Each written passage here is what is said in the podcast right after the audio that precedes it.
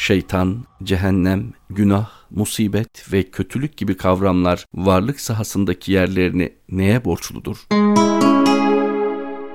Bir İngiliz atasözü kötü hava yoktur, yanlış giyim vardır der. Dilimizde çok kullandığımız hava muhalefeti aslında yerli yerince bir tabir değildir. Çünkü hava muhalefet etmez, havaya muhalif insan halleri vardır. Evinden şemsiyesiz çıkan, hava durumuna göre hareket etmeyen, yağmura hazırlıksız yakalanan bir insanın yağmurun olumsuz olduğuna dair yapacağı bir çıkarım doğru olmayacaktır. Çünkü yağmur onu ıslatmak haricinde milyonlarca vazifeyle ve görevle yağmaktadır. Fakat insan yalnızca kendi ihmaline dönük tarafıyla yağmuru incelediğinde onun yaratılışı adeta o an çerçevesinde olumsuzmuş gibi düşünmeye başlayacaktır. Mesela sel felaketlerini düşündüğümüzde dere yataklarına ev yapan, yetersiz malzemeler malzemelerle bina yapan insanoğlu su taşkınları karşısında bir felaketle karşılaşmaktadırlar. Oysa buradaki sorun da yine insana ait bir sorundur. Eğer şehirler doğru yerde konumlanmış olsaydı, binalar yeterli malzemelerle yapılmış olsaydı, bizim sel diye adlandırdığımız bu felaket belki festivallerle, karnavallarla kutlanacak,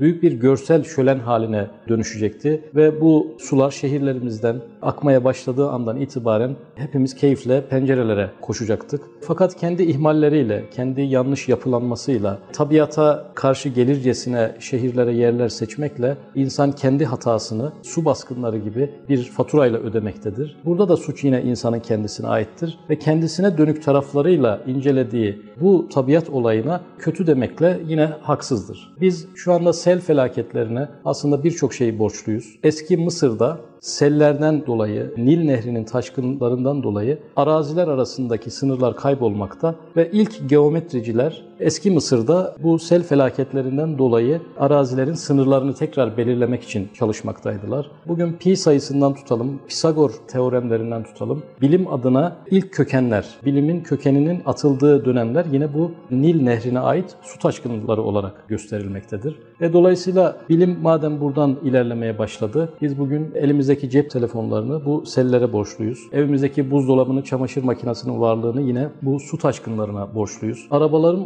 uçakların varlığını ki bunlar da birer mühendislik üzerinden üretilen araçlar olması hasebiyle kökende yine bu su taşkınlarına borçluyuz. Dolayısıyla insan sadece kendisine dönük, kendi ihmallerinden yola çıkarak yadırgadığı bu hadiseler aslında harikulade, çok faydalı, insanlık için oldukça verimli, çok değerli olaylardır. Mesela yaşadığımız ağrıları düşünelim birçok insanın kurtulamadığı baş ağrıları vardır. Keşke ağrının varlığı olmasaydı diye düşünür insan ağrı çekerken. Fakat ağrılar bedenimizde hangi bölgede bir rahatsızlık olduğunu, bedenimizin neresiyle acilen ilgilenmemiz gerektiğini bize belirten sinyallerdir. Ağrı olmasaydı demekle insan yaşamı söz konusu olmasaydı, insanlık tarihi boyunca yaşamını sürdürmüş olan insan aslında sürdürmemiş olsaydı anlamına gelir. Çünkü ağrılar üzerinden hastalıklarımızdan haberdar oluruz. Ağrıların olmayışıyla yaşam yaşamın son bulması arasında çok sıkı ve hızlı bir ilişki olacaktır. Yine insan kendi sağlık konusundaki ihmalleri sebebiyle yaşadığı bu hadiseyi olumsuz nitelemekte haksızdır. Çünkü ağrılarda bizim suçumuz vardır. Ağrıyı yaratanın bu konuda bir suçu ve bizim için seçtiği olumsuz bir durum söz konusu değildir. Mesela depremleri ele alalım. Keşke depremler olmasaydı diye düşünebiliriz. Fakat deprem kuşaklarına şehirler kuran, evler yapan, yine yetersiz malzemeler kullanan insanoğludur bunun suçlusu konusu. Çünkü depremler insanlığın hayatını tehdit etmek için değil, yer kürenin içerisindeki çok büyük basıncı dengelemek için ortaya çıkmaktadır. Eğer hiç deprem olmasaydı yer küre bu içindeki büyük basınçtan dolayı belki ikiye parçalanacaktı. Azar azar belli miktarlarla bu basıncın dışarıya çıkma işleminin bizim aslında hayatın devamı açısından çok kritik bir öneme sahip olduğunu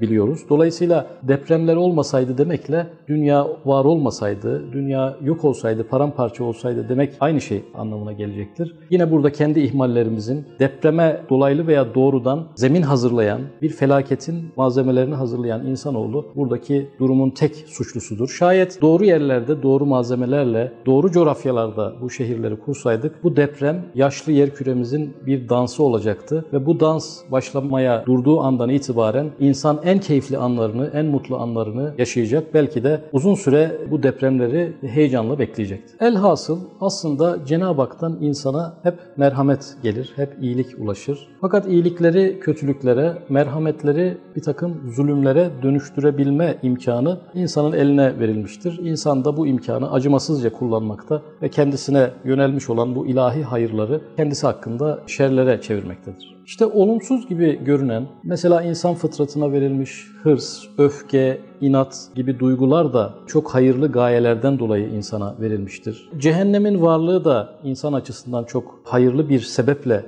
tahakkuk etmiştir. Şeytanın yaratılmasının da insana bakan birçok faydası ve önemi söz konusudur. Fakat insan bütün bunları kendisine zarar veren birer faktör olarak değerlendirmekte, kendisine özel olarak ayarlanmış bu hayırları şerre çevirmekle bunları şer yapamaz. İnsanların bunları yanlış değerlendirmesi bunları bir kötülük haline getirmez. İşte kendi içimizdeki bu olumsuz duygular gibi, cehennemin ve şeytanın varlığı gibi başımıza gelen musibetler de bu cümledendir. İnsanın hayat boyu başına birçok hadise gelmektedir. Her biri de sanki onu daha köşeye sıkıştırmak, daha çok zorlamak, daha fazla yıpratmak için kaderden gönderilmiş bir takım olaylar gibi görünür. Oysa bunları kendi aleyhimize çeviren bizizdir. Onları bir değerlendirmeye aldığımızda, kendi yararımıza kullanmayı öğrendiğimizde aslında kökende Cenab-ı Hakk'ın iradesinden zaten bize faydalı olmak için, bize verimli olmak için, bizim önümüzü açmak için, bizi rahatlatmak ve mutlu etmek için bize ulaştığını görmek çok da zor olmasa gerek. Bir hadis-i şerifte Şöyle buyrulur. Müminin başına gelenler ne acayiptir, ne ilginçtir. Ona bir nimet isabet ederse